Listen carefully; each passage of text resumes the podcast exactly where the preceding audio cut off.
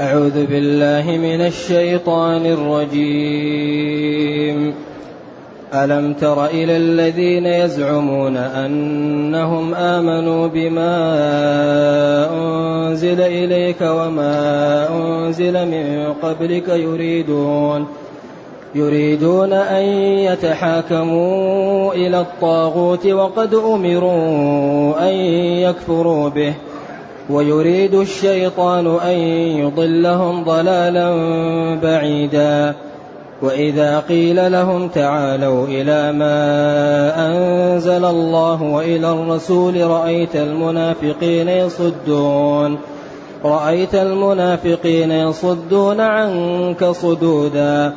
فكيف إذا أصابتهم مصيبة بما قدمت أيديهم ثم جاءوك يحلفون بالله؟ فكيف إذا أصابتهم مصيبة بما قدمت أيديهم ثم جاءوك يحلفون بالله إن أردنا ثم جاءوك يحلفون بالله إن أردنا إلا إحسانا وتوفيقا. أولئك الذين يعلم الله ما في قلوبهم فأعرض عنهم وعظهم فأعرض عنهم وعظهم وقل لهم في أنفسهم قولا بليغا. وما أرسلنا من رسول إلا ليطاع بإذن الله ولو أنهم إذ ظلموا أنفسهم جاءوك فاستغفروا الله واستغفر لهم الرسول لوجدوا الله توابا رحيما فلا وربك لا يؤمنون حتى يحكموك فيما شجر بينهم ثم لا يجدون ثم لا يجدوا في أنفسهم حرجا مما قضيت ويسلموا تسليما. الحمد لله الذي أنزل إلينا أشمل الكتاب وأرسل إلينا أفضل الرسل وجعلنا خير أمة أخرجت للناس. فله الحمد وله الشكر على هذه النعم العظيمة والآلاء الجسيمة. والصلاة والسلام على خير خلق الله وعلى آله وأصحابه ومن اهتدى بهداه.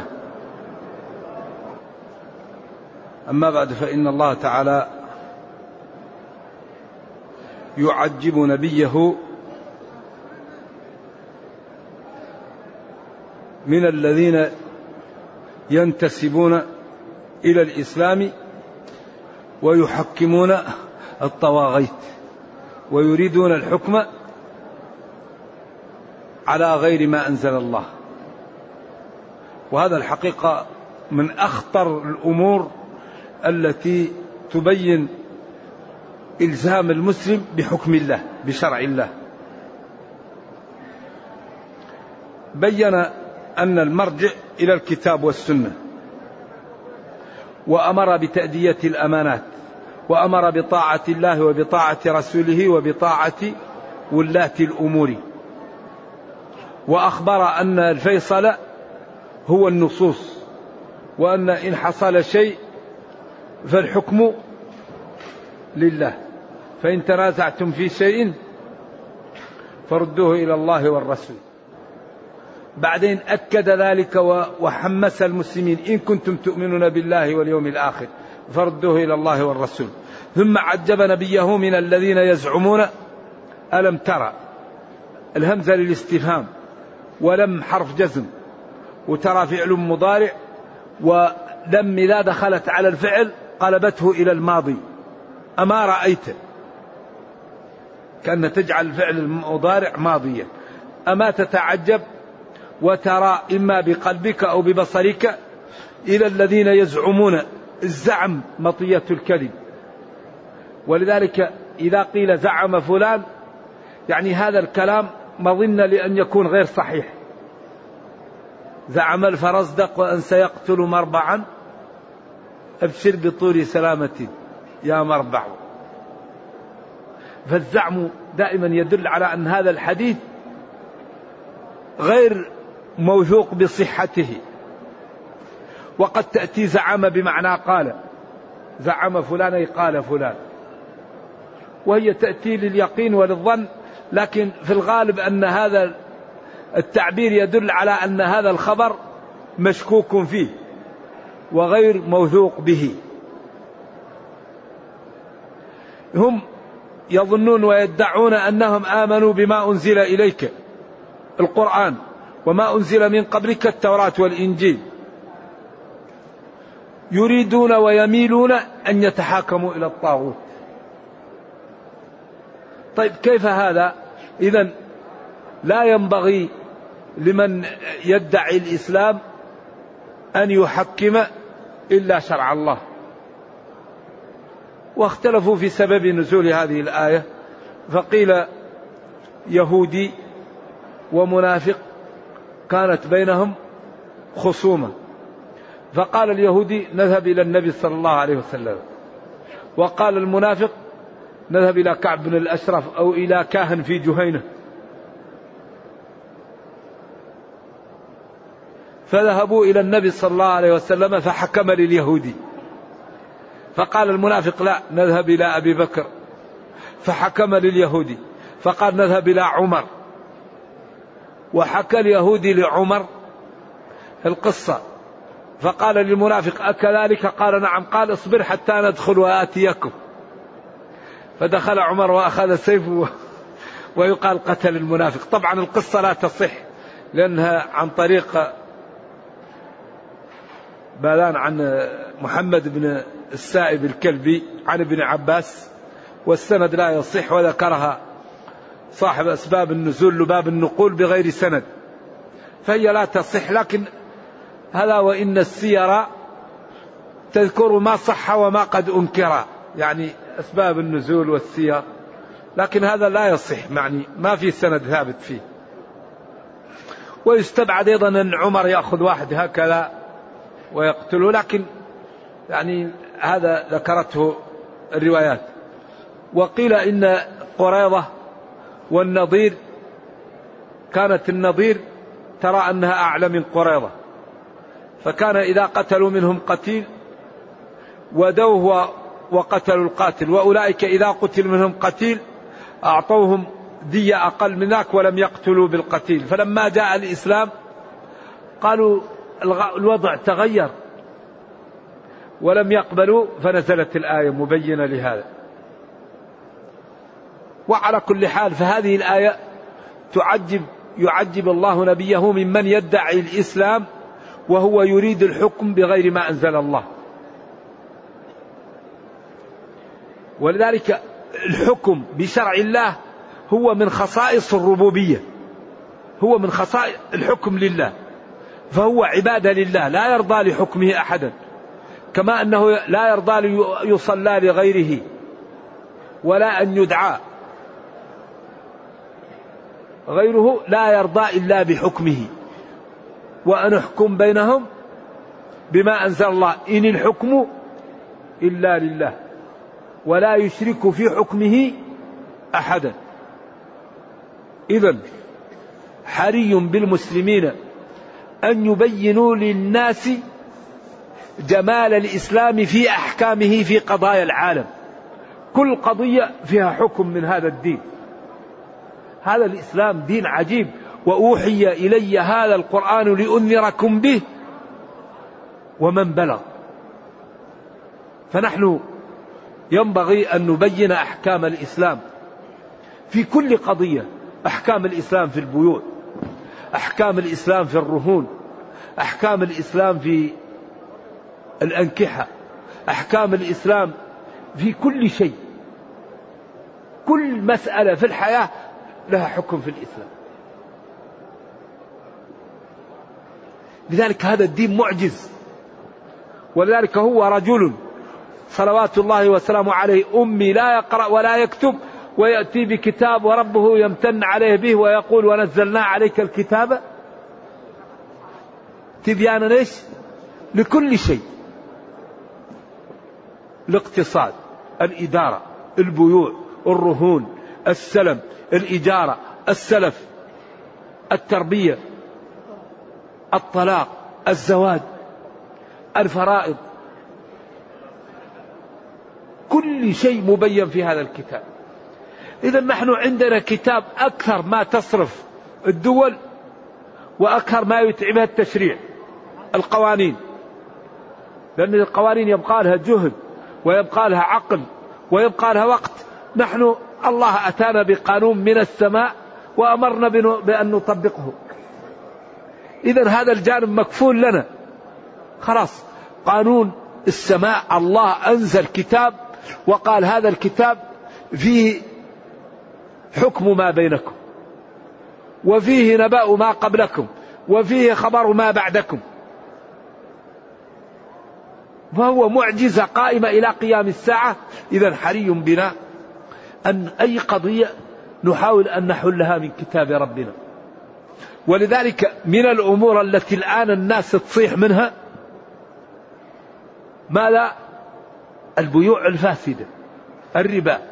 الله قال فإن لم تفعلوا إيش؟ فأذنوا بحرب. قال يا أيها الذين آمنوا اتقوا الله وذروا ما بقي. من الربا إن كنتم مؤمنين. فإن لم تفعلوا فأذنوا بحرب. قالوا النظم الموجودة ما تصلح. الإسلام دين قائم إلى قيام الساعة فحري بأهله أن يبينوا للناس جماله. حري بالمسلمين أن يبنوا حياتهم. أو حياتهم على على على شرع الله. يمتثل الأوامر ويجتنب النواهي ويظهر للناس جمال هذا الدين في تطبيقه في حياتهم. إذا يقول يا نبي كيف ترى لهؤلاء الذين يدعون أنهم مسلمون آمنوا بالكتاب وبالكتب المتقدمة ومع ذلك يريدون أن يتحاكموا إلى الطاغوت؟ الطاغوت هو كل ما عبد من دون الله وهو راضي. فالطواغيت آه، عبد الطاغوت يقال للمفرد والمؤنث الطاغوت وهو يقال للشيطان كعب بن الأشرف كل ما يعبد من دون الله يسمى طاغوت. الكاهن الساحر الشيطان. وقد أمروا أن يكفروا به. فقال تعالى فمن يكفر بالطاغوت ويؤمن بالله. هذا هو لا إله إلا الله. لأن لا إله إلا الله تتكون من عنصرين نفي وإثبات. يكفر بالطاغوت ينفي ويؤمن بالله. لا إله كل الآلهة تنفى إلا الله إلا المعبود بحق. ويريد الشيطان أن يضلهم ضلالا بعيدا. الشيطان هذا متسلط على بني آدم. الله تعالى لما خلق الإنسان جعل للشيطان عليه سبيل لكن هذا السبيل للشيطان على الإنسان بشروط. الشرط الأول أن لا يتعلم. الشرط الثاني أن لا يعمل. الشرط الثالث أن لا ينضوي أن لا يستعذ بالله. فإذا كان الإنسان لا يتعلم ولا يعمل ولا يلتجئ إلى الله طبعا الشيطان يضله. ولكن الله أخبر أن كيد الشيطان كان ضعيفا وأخبر أنه لا سبيل له على عباد الله الصالحين المتقين. إن عبادي ليس لك عليهم سلطان. إنما سلطانه على الذين يتولونه والذين هم به مشركون. إذا الشيطان يتسلط على من لا يدرس من لا يعلم من لا يعلم من لا يخاف من لا يتطهر من لا يذكر الله. طبعا هذا يكون صديق للشيطان الشيطان طبعا يستهويه ويضلله ويخوفه ويأخذ به المزالق. فإذا تعبد المسلم على غير علم أصبح هدفا للشيطان. لأن من أكبر ما يضرب به الشيطان الخلق التعبد على غير علم. لأنك إذا جرت البدع والخرافة والانحرافات تجد أسبابها التعبد على غير علم. لذلك أهم شيء الإنسان قبل أن يبدأ يتعبد ويتبع الأوراد والصلوات أن يعرف الحكم فيما يريد أن يقول. الحكم أولا والعمل ثانيا. ولذلك الله قال فاعلم إيش؟ أنه لا إله إلا الله بعدين استغفر لذنبك فكثير من المتعبدين الطيبين الصالحين يأتيهم الشيطان. ويقول للواحد أنا الرسول صلى الله عليه وسلم. أفعل كذا وأعمل كذا واترك كذا وسوي كذا. وهو ما عنده من العلم ليفرق بين الشيطان وبين الرسول صلى الله عليه وسلم. والرسول صلى الله عليه وسلم لم يقل إن الشيطان لا يكذب علي. قال إن الشيطان لا يتمثل بي. الشيطان ممنوع من أن يأتي في صورة النبي صلى الله عليه وسلم. لكن يمكن الشيطان يأتيك في صورة أخرى ويقول لك أنا الرسول. ويأتيك ويقول لك أنا الله. فإذا كان المتعبد على غير علم يسل السنن ويسل الأدعية ويسل العبادة ويكون بهذه العبادة ابتدع لأن هذا ما جاء به النبي صلى الله عليه وسلم. ومن شروط العبادة أن تكون مشروعة. موافقة لما جاء به النبي صلى الله عليه وسلم. فإذا قلت لهذا العبد يا عبد الله اتق الله يحتقرك يقول لك ما تعرف المنزلة اللي أعطاني الله. يراك أنك أنت إنسان جاهل لأنه هو عنده منزلة عظيمة. وهذه هي المشكلة. المشكلة أن كثير ممن ينحرف ينحرف عن طيب لكن ما عنده علم يحميه. لذلك أهم ما يحمي من الشياطين ومن البدع ومن الخرافة هو ماذا؟ العلم. والشيطان لا يحزن إلا من العلم. يفرح بالعابد. مئة سنة وانت تعبد الله بعدين يجي يدخل له الرياء يدخل له البدعة يدخل له السمعة يدخل رؤية الفضل على الغير يدخل احتقار المسلمين يدخل العجب ويوديه في داهية. لكن المتعلم إذا جاء الشيطان يقول له والله يلعنك أنا أبصر بنفسي. أنا أعرف نفسي روح شوف غيري. لذلك إنما يخشى الله من عباده العلماء. لذا شياطين الإنس والجن يوحي بعضهم إلى بعض. زخرف القول غرورا. وقال وإخوانهم يمدونهم في الغي ثم لا يقصرون. فذلك ينبغي للمسلم أولا أن يتقي الله وأن يعبد الله بما جاء عن الله. يعلم أن الله قال اليوم إيش؟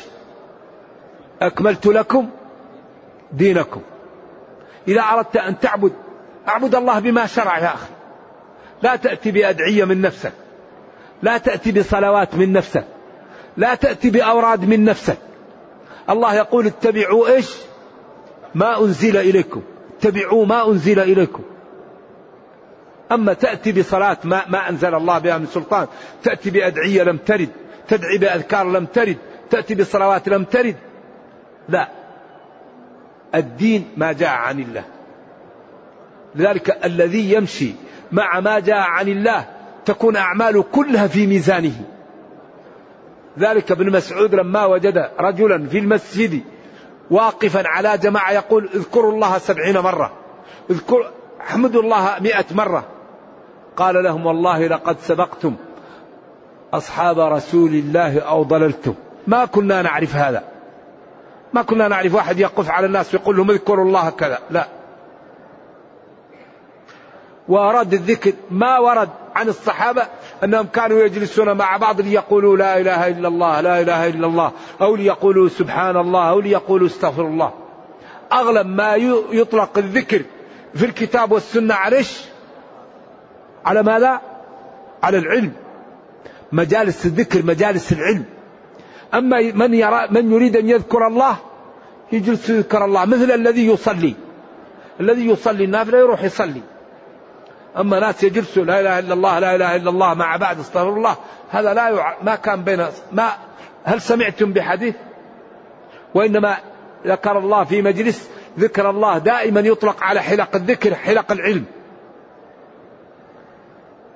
أما ولذلك ورد من قال سبحان الله وبحمده مئة مرة من قال لا إله إلا الله وحده لا شريك له له الملك وله الحمد على كل شيء قدير عشر مرات وورد مئة مرة. هل سمعتم ذكر ألف مرة؟ هل مر بكم ذكر صحيح ألف مرة؟ إذا نذكر بما ورد. ورد ألف نذكر ورد مليون نذكر وردت عشرة نذكر وردت سبعة نذكر إذا أردنا أن نزيد نزيد على أن هذا الشيء جائز ما هو لازم. إذا فرق بين ذكر الله المطلق والصلاة المطلقة وبين الأمور السنة. مثلا فيه صلاة سنة. كم؟ 12 ركعة في اليوم؟ من صلاها له من الأجر كذا وكذا. ورد في الليل الصلاة. ورد من صلى ركعتين لا يحدث فيهما نفسه غفر له ما تقدم من ذنبه. إذا أي وقت تريد أن تصلي في غير وقت النهي لك أن تصلي. لكن لا تصلي في وقت غير السنة تعتقد أن السنة يكون بدعة. لكن تصلي أن النبي صلى الله عليه وسلم قال من توضأ يصلي ومن صلى ركعتين لا يحدث فيهما نفسه غفر له ما تقدم من ذنبه. تطمع في أنك لعلك يأتيك الحضور وتصلي ركعتين لا تحدث فيهما نفسك يغفر لك. أيضا الله يقول اذكروا الله ذكرا كثيرا يذكرون الله قياما وقعودا أن تذكر الله في أي وقت شئت. لكن لا تجعل ذكر غير وارد أنه سنة. واضح؟ إذا في فرق بين من يذكر الله ذكر أي ذكر يريد أن يعمله جائز؟ لا غبار عليه. أما يلزم ويجعل ذكر غير لازم لازم هذا إلزام ما لا يلزم. وهذا الذي تأتي منه البدع. البدع هي إحداث مسائل في الدين على غير مثال سابق. والاستحسان رأيت نفعل كذا ورأيت نفعل كذا لذلك ينبغي لنا أن نتبع. الخير كله في الاتباع. الآن منتشر في العالم الإسلامي. يتكلموا بعض بعدين يقول له الفاتحة. الفاتحة. الفاتحة أفضل سورة. ولذلك ديننا أمرنا أن نقرأها في كل ركعة. شوف الفاتحة هذه. لا صلاة لمن لم يقرأ. لكن الصحابة توفي عنهم النبي صلى الله عليه وسلم كم؟ كم توفي النبي صلى الله عليه وسلم والصحابة؟ مية وعشرة ألاف. مئة ألف وعشرة ألاف. قيل هذا اللي حجت مع النبي صلى الله عليه وسلم في حجة الوداع. هل ورد عن أحد منهم أنه قال الفاتحة؟ ومالك يقول لن يصلح آخر هذه الأمة إيش؟ إلا بما صلح به أولها. هل النبي صلى الله عليه وسلم يوما ما قال لهم الفاتحة؟ هل أبو بكر قال لهم الفاتحة؟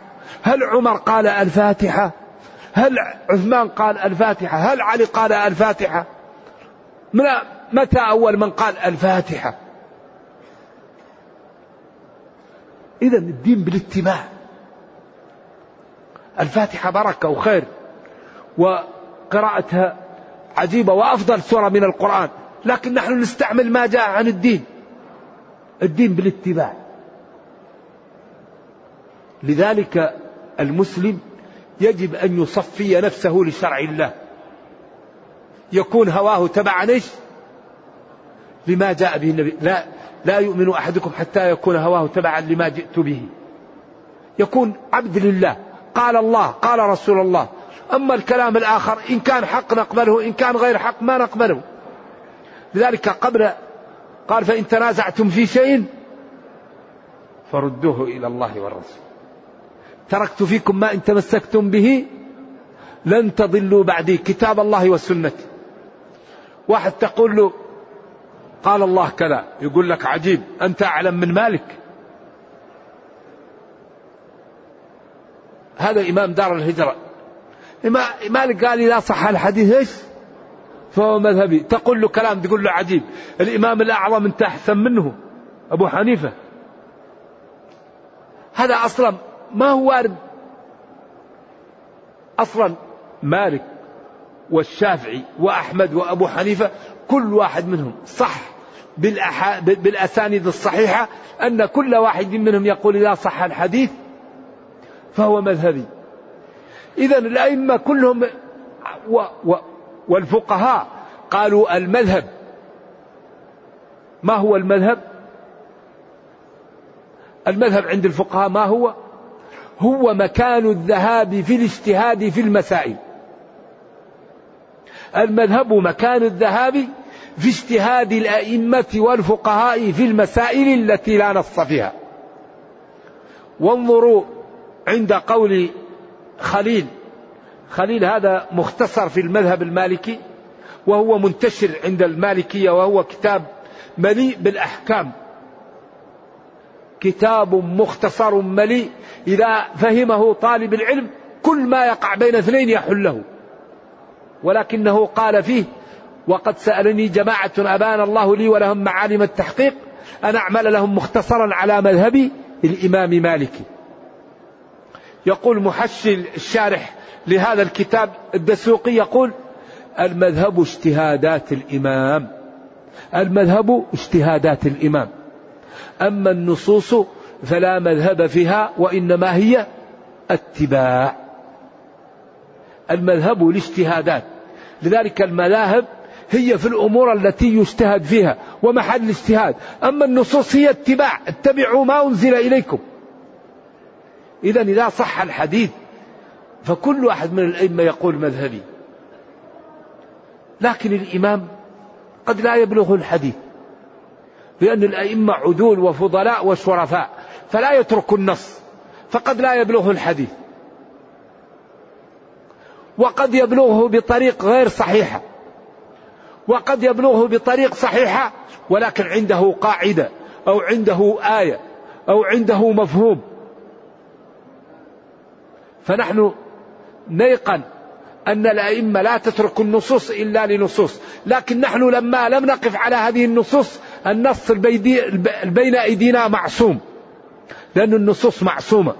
أما آراء العلماء فهي مباركة وأحسن من آرائنا لكن ليست لها درجة العصمة النصوص معصومة أما آراء العلماء فهي أحسن من آرائنا وأفضل لكن لا تصل إلى درجة العصمة إذا ينبغي لنا إذا سمعنا آية أو حديث نعمل بها حتى يثبت أنها منسوخة أو أنها مخصصة أو أنها مقيدة. ولذلك هذا هو الحق وهو الذي روي عن الأئمة وهو الذي اتبعه مالك والشافعي وأحمد وأبو حنيفة وهو الذي كرروه. وقد نظمه أخونا الفلاتي في الفلاني في مقدمة المغني أحد طبعات المغني لابن قدامة. قال أبو حنيفة الإمام لا ينبغي لمن له إسلام أخذ بأقوالي حتى تعرضا على الكتاب والحديث المرتضى. ومالك إمام دار الهجرة. قال وقد أشار نحو الحجرة كل كلام منه ذو قبول ومنه مردود سوى الرسول صلى الله عليه وسلم. والشافعي قال إن رأيتم قولي مخالفا لما رويتم من الحديث فاضربوا الجدار بقولي المخالف الأثار. وأحمد قال لهم لا تكتبوا ما قلته. بل أصل ذاك فاطلبوا. فاسمع مقالة الهداة الأربعة واعمل بها فإن فيها المنفعة لقمعها لكل ذي تعصب والمنصفون يكتفون بالنبي صلى الله عليه وسلم. وهذا أتى به الشيخ ناصر الدين في مقدمة صلاة النبي صلى الله عليه وسلم. أتى بأسانيد صحيحة عن كل الأئمة أن كل واحد منهم قال إذا صح الحديث فهو مذهبي. إذا لا نقارن بين الأئمة وبين النصوص. الأئمة مبينة للنصوص. الأئمة تتبع النصوص. الأئمة لا تخالف النصوص. الأئمة تجاوزوا القنطرة. لكن إذا واحد لم يبلغه النص أو بلغه بغير طريق صحيح أو بلغه وكان عنده دليل ولم يبين لنا الدليل فنحن نعلم أن الأئمة عدول وكلامهم مبارك لكن النص معصوم النصوص معصومة. اتبعوا ما أنزل إليكم اتبعوا ما أنزل إليكم. أي اتبعوا المنزل. تركت فيكم ما إن تمسكتم به لن تضلوا كتاب الله والسنة اليوم أكملت لكم دينكم. إذا كل ما يقع فهو موجود في هذا الكتاب. كل شيء إما بالنص أو بالإيماء أو بالفحواء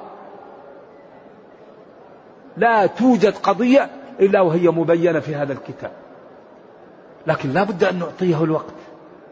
لا بد أن نفهمه لا بد أن نتعلم لا بد أن نبذل الوقت لنفهم كتاب ربنا ونظهر للناس جماله ونخرج الأحكام والتشريع منه لأنه تبيان لكل شيء. إذا يقول جل وعلا ألم تر يا نبي إلى الذين يظنون أو يقولون إنهم آمنوا بما أنزل إليك من القرآن وما أنزل من قبلك من الكتب ومع ذلك يميلون ويريدون أن يتحاكموا إلى غير شرعك إلى غير شريعة الله وقد أمروا أن يكفروا بغير شرعك ويريد الشيطان أن يضلهم ضلالا بعيدا. الشيطان كما قال فبعزتك لأغوينهم. وإذا قيل لهم تعالوا إلى ما أنزل الله وإلى الرسول يحكم فيما بينكم رأيت المنافقين يصدون عنك صدودا. المنافقون جمع منافق والمنافق مشتق من نافقاء وهو الجربوع يعمل غار واضح ويعمل غار آخر ويسد ويقال النافقاء إذا وإذا دهم يطلع من الغار الآخر. كذلك المنافق يظهر دين وهو يبطن دين آخر. ولذلك هذه الفرقة أكثر القرآن في بيانها وقال إنهم في الدرك الأسفل من النار. والمنافق هو الآن الزنديق. المنافق هو الزنديق. في زمن النبي صلى الله عليه وسلم يسمى المنافق. وفي زمننا هو إيش؟ الزنديق. تصلي. لما لا تضع وجهك في الأرض. ما تريد الصلاة. ضيع وقتك. فين رايح أنت؟ تضيع عليك وقت. وماشي وبعدين زي المجنون. تحط رأسك يسخر من دين الله. يسخر من الشعائر الدين. يرى أن المتدينين الناس إيش؟ عندهم تخلف عقلي وأن هذا ضياع وقت. هذا هو الزنديق. لا يؤمن بجنة ولا بنار ولا بشيء. نرجو الله السلام والعافية. إذا المنافق في زمن النبي صلى الله عليه وسلم هو الزنديق في زمننا الآن. الذي يسخر من الدين ويسخر من الصلاة ويسخر من الصوم والذي يتصدق يسخر منه. ويرى أن الدين هذا أنه أشياء يتبعها المغفلون وأنه أمور أصلا يتعجب. كيف هذا يمشي يصلي؟ كيف؟ نرجو الله السلام والعافية.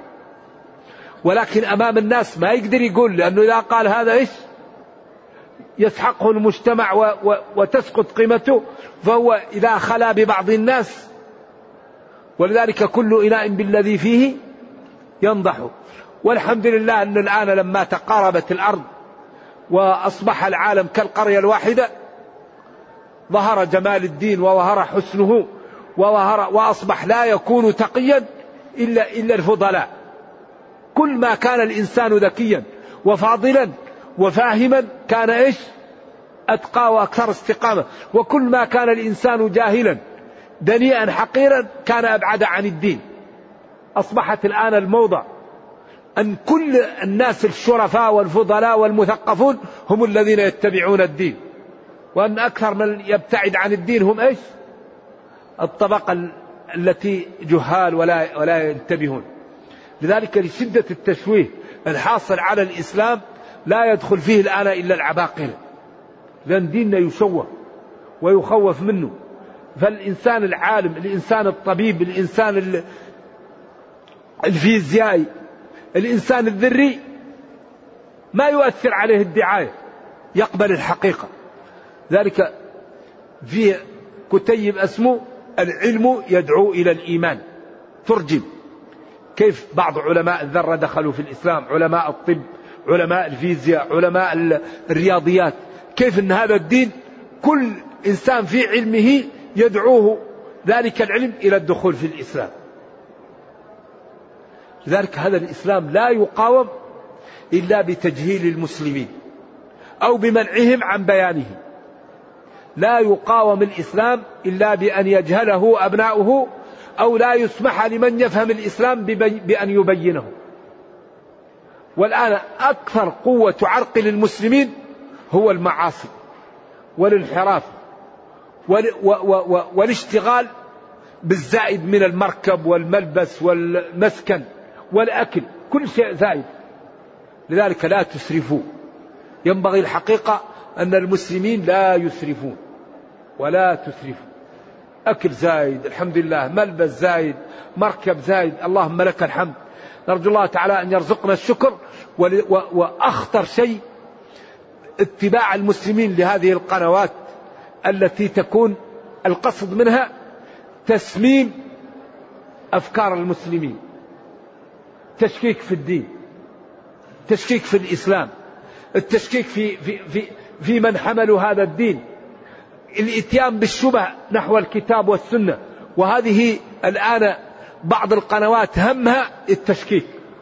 ولذلك هذه القنوات لا تقاوم إلا بفتح قنوات ترد عليها بقوة وبعلم وبتوأدة وبنزاهة وبوضوح للدين ورد هذه الشبه ردا علميا واضحا. فلذلك ينبغي للمسلمين الحقيقة أن يجتهدوا في هذه الأيام حتى لا يضيع أبناء المسلمين وحتى ينقذ الله على يديهم كثير من أهل الأرض الذين يجهلون جمال هذا الدين وحسنه وصدقه. وإذا قال لهؤلاء اليهود تعالوا هلموا إلى ما أنزل الله من القرآن وإلى الرسول يحكم بينكم فيما تريدون رأيت المنافقين يصدون عنك صدودا يلتفتون ويبتعدون عنك ابتعادا شديدا.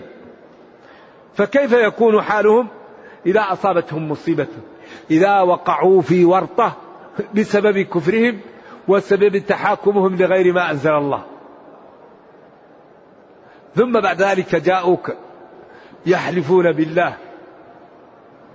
ما أردنا إلا إحسانا وتوفيقا بين هؤلاء ولم نرد ترك الإسلام ولا الصد عنه ولا نراه قاصرا.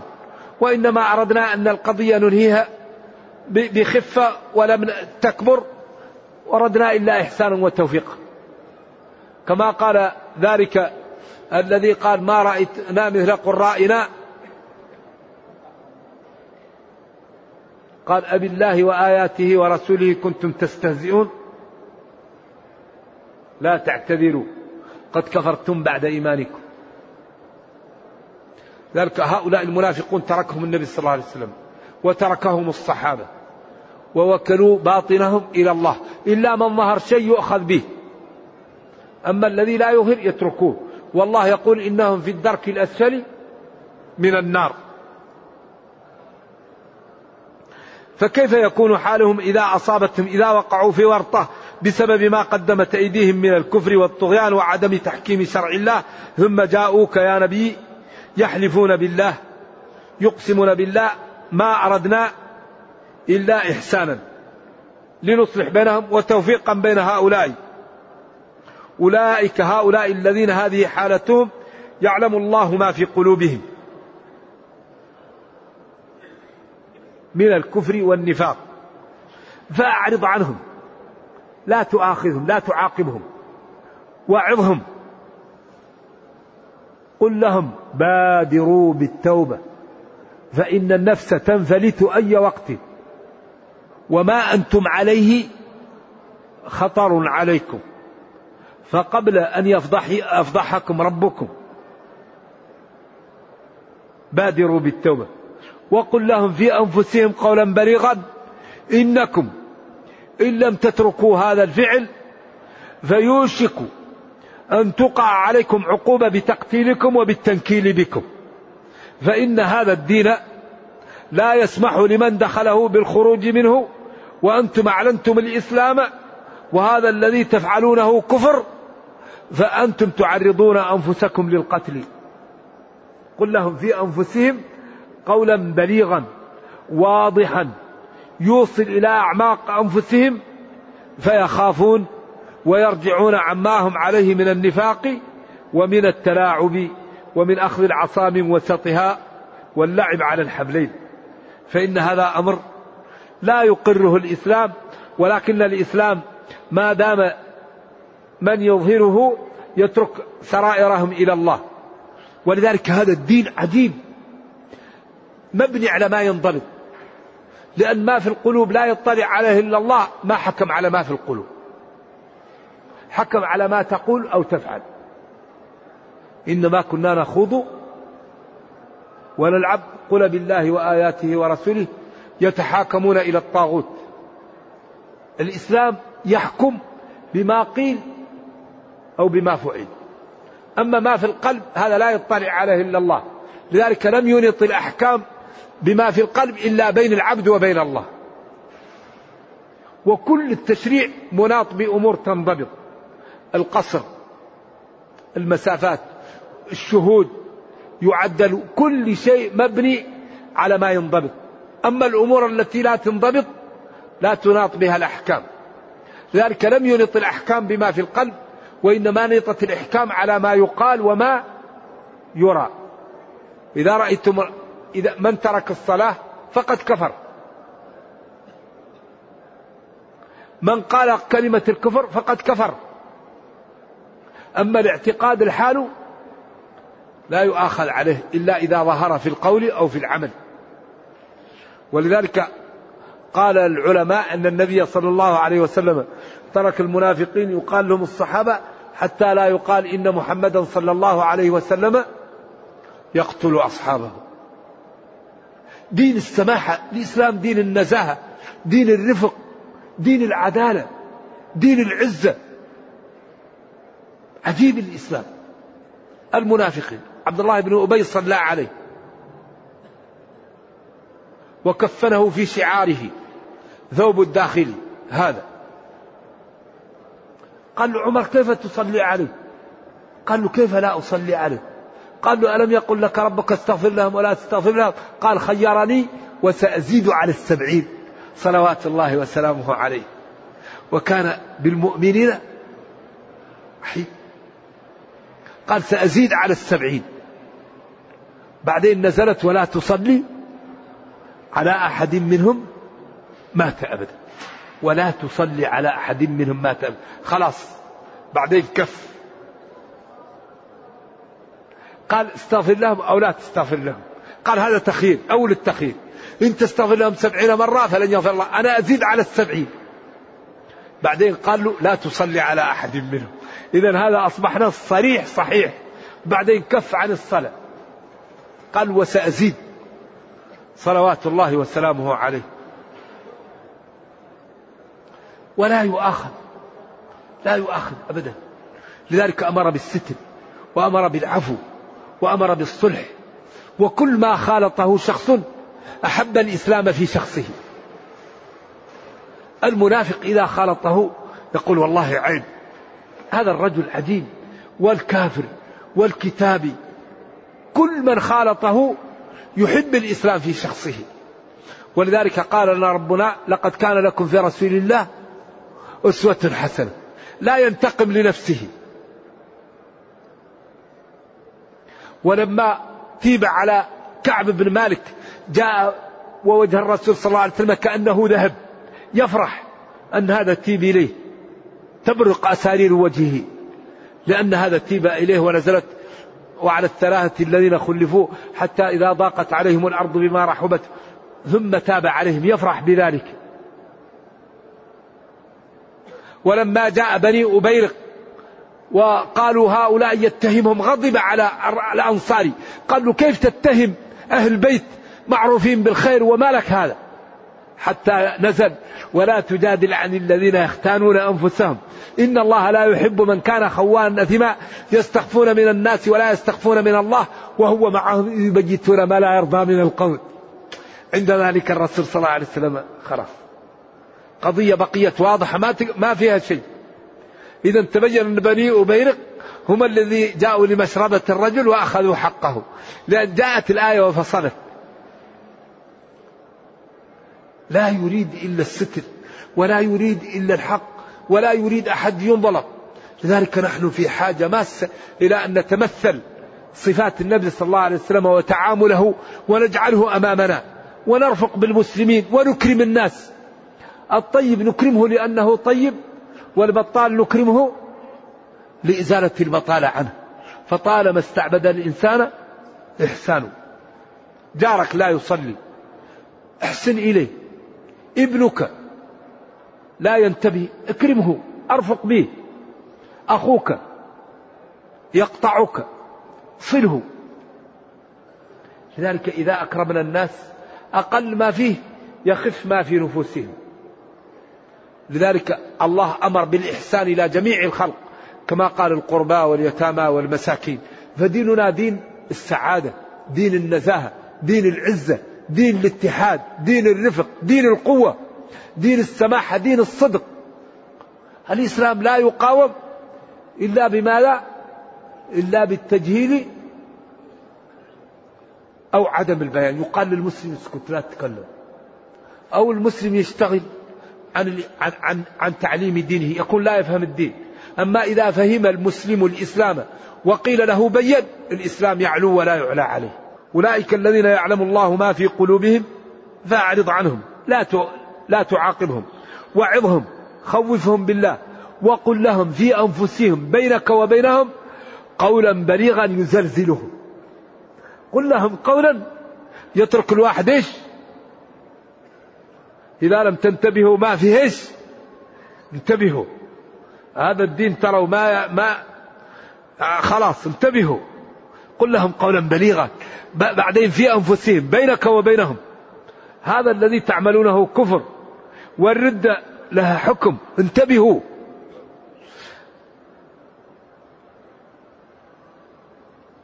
بعدين يقول وما أرسلنا من رسول إلا ليطاع بإذن الله. ما أرسلنا من رسول إلا هو ثقة وصدوق ومعصوم فيما يبلغ عن الله إذا يجب أن يتبع الرسل معصومة فيما تبلغ عن الله.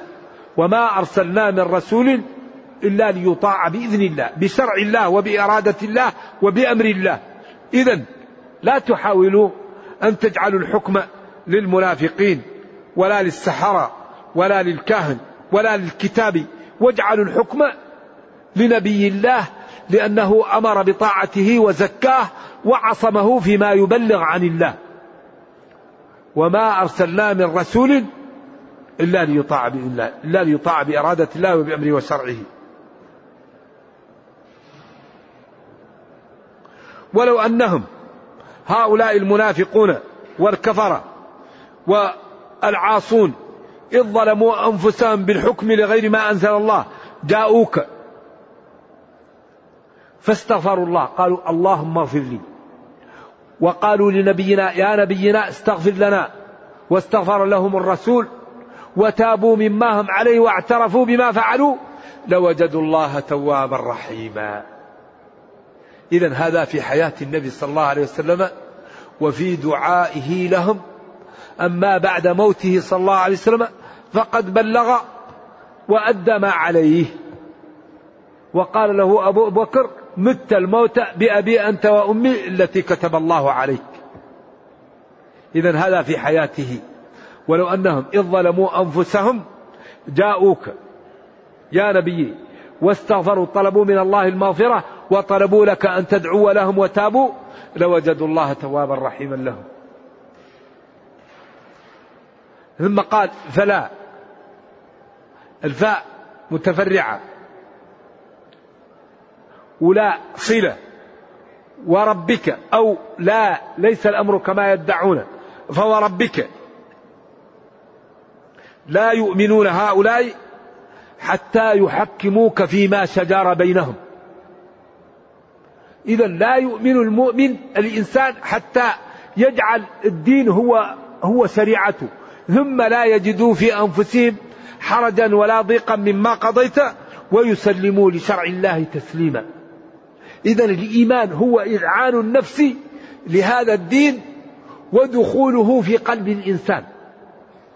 إذا ولذلك هذا الإيمان إذا خالطت بشاشته قلب الإنسان خلاص ما يخاف عليه. لا من معاصي ولا من شيطان لأن الله يحميه لأنه إذا دخل الإيمان في قلبه فيكون الإيمان أولا. إذا فلا وربك فوربك لا يؤمنون. حتى يحكموك فيما شجر بينهم. كل شيء يقع اتجاه إلى شرع الله. ثم لا يجدون لا يقع في نفوسهم مضاضة من حكمك لأنهم مسلمون أمرهم إلى الله ولأنهم يعلمون أن هذا الدين حق وأن ما يحكم به هو هو مصلحتهم في دنياهم وفي أخراهم. ويسلموا ويذعنوا ويصدقوا بذلك تصديقا. والله هذا الكلام في غاية الحسن. وفي غاية الجمال وأمانة فينا أن نعطيه الوقت ونفهمه ونبلغه لإخواننا. هذا الدين لا بد من فهمه ولا يمكن أن يفهم إلا بما لا بالعلم والعلم يحتاج إيش؟ إلى التعلم والتعلم يحتاج إلى وقت. إذا كل واحد منا يعطي وقت لهذا الكتاب. كل واحد منا يعطي في اليوم ساعات لكتاب ربه. يقرأه يتدبره يفهمه يفسره. فإننا إذا فعلنا ذلك استنارت عقولنا وقوي إيماننا وأصبحنا من عباد الله فربنا يحمينا. الله يحمي عباده. إن الله يدافع عن الذين آمنوا. ولا ينصرن الله من ينصره. فحري بنا أن نعطي وقتا لهذا الكتاب. فإذا أعطيناه وقتا وفهمناه سعدنا في دنيانا وأخرانا ومن عادانا دمره ربنا. الذي يكون عبدا لله الله يحميه. من عادى لي وليا فقد آذنته بالحرب. فالعبد إذا كان عبد لله الله يعطيه كل ما يريد. إن أراد الدنيا يعطيه إن أراد الآخرة أعطاه إن أراد الولد أعطاه إن أراد السمعة أعطاه. الله كريم وقادر. فالعبد إذا انضوى تحت شرع الله وانضوى تحت إرادة الله ما لا يفعل بها الله؟ يصلح له دنياه وأخراه ويسعده ويبارك له في عمره وماله وولده وإذا مات أصبح كالغائب قدم على أهله. المسافر سفر طويل إذا جاء لأهله كيف يكون الفرح والسرور؟ فالمتقي إذا مات كالغائب قدم على أهله. نرجو الله جل وعلا أن يجعلنا وإياكم من المتقين. اللهم اجعلنا من المتقين. اللهم اجعلنا من المتقين. اللهم أرنا الحق حقا وارزقنا اتباعه. وأرنا الباطل باطلا وارزقنا اجتنابه. وأن لا تجعل الأمر ملتبسا علينا فنضل. ربنا أتنا في الدنيا حسنة وفي الآخرة حسنة وقنا عذاب النار. اللهم أصلح لنا ديننا الذي هو عصمة أمرنا. وأصلح لنا دنيانا التي فيها معاشنا. وأصلح لنا آخرتنا التي إليها معادنا. واجعل الحياة زيادة لنا في كل خير والموت راحة لنا من كل شر. اللهم إنا نسألك من خير ما سألك من محمد صلى الله عليه وسلم وعبادك الصالحون ونعوذ بك من شر ما استعاذك من محمد صلى الله عليه وسلم. اللهم إنا نسألك الجنة اللهم إنا نسألك الجنة اللهم إنا نسألك الجنة اللهم إنا نعوذ بك من النار اللهم إنا نعوذ بك من النار اللهم إنا نعوذ بك من النار. سبحان ربك رب العزة عما يصفون وسلام على المرسلين. والحمد لله رب العالمين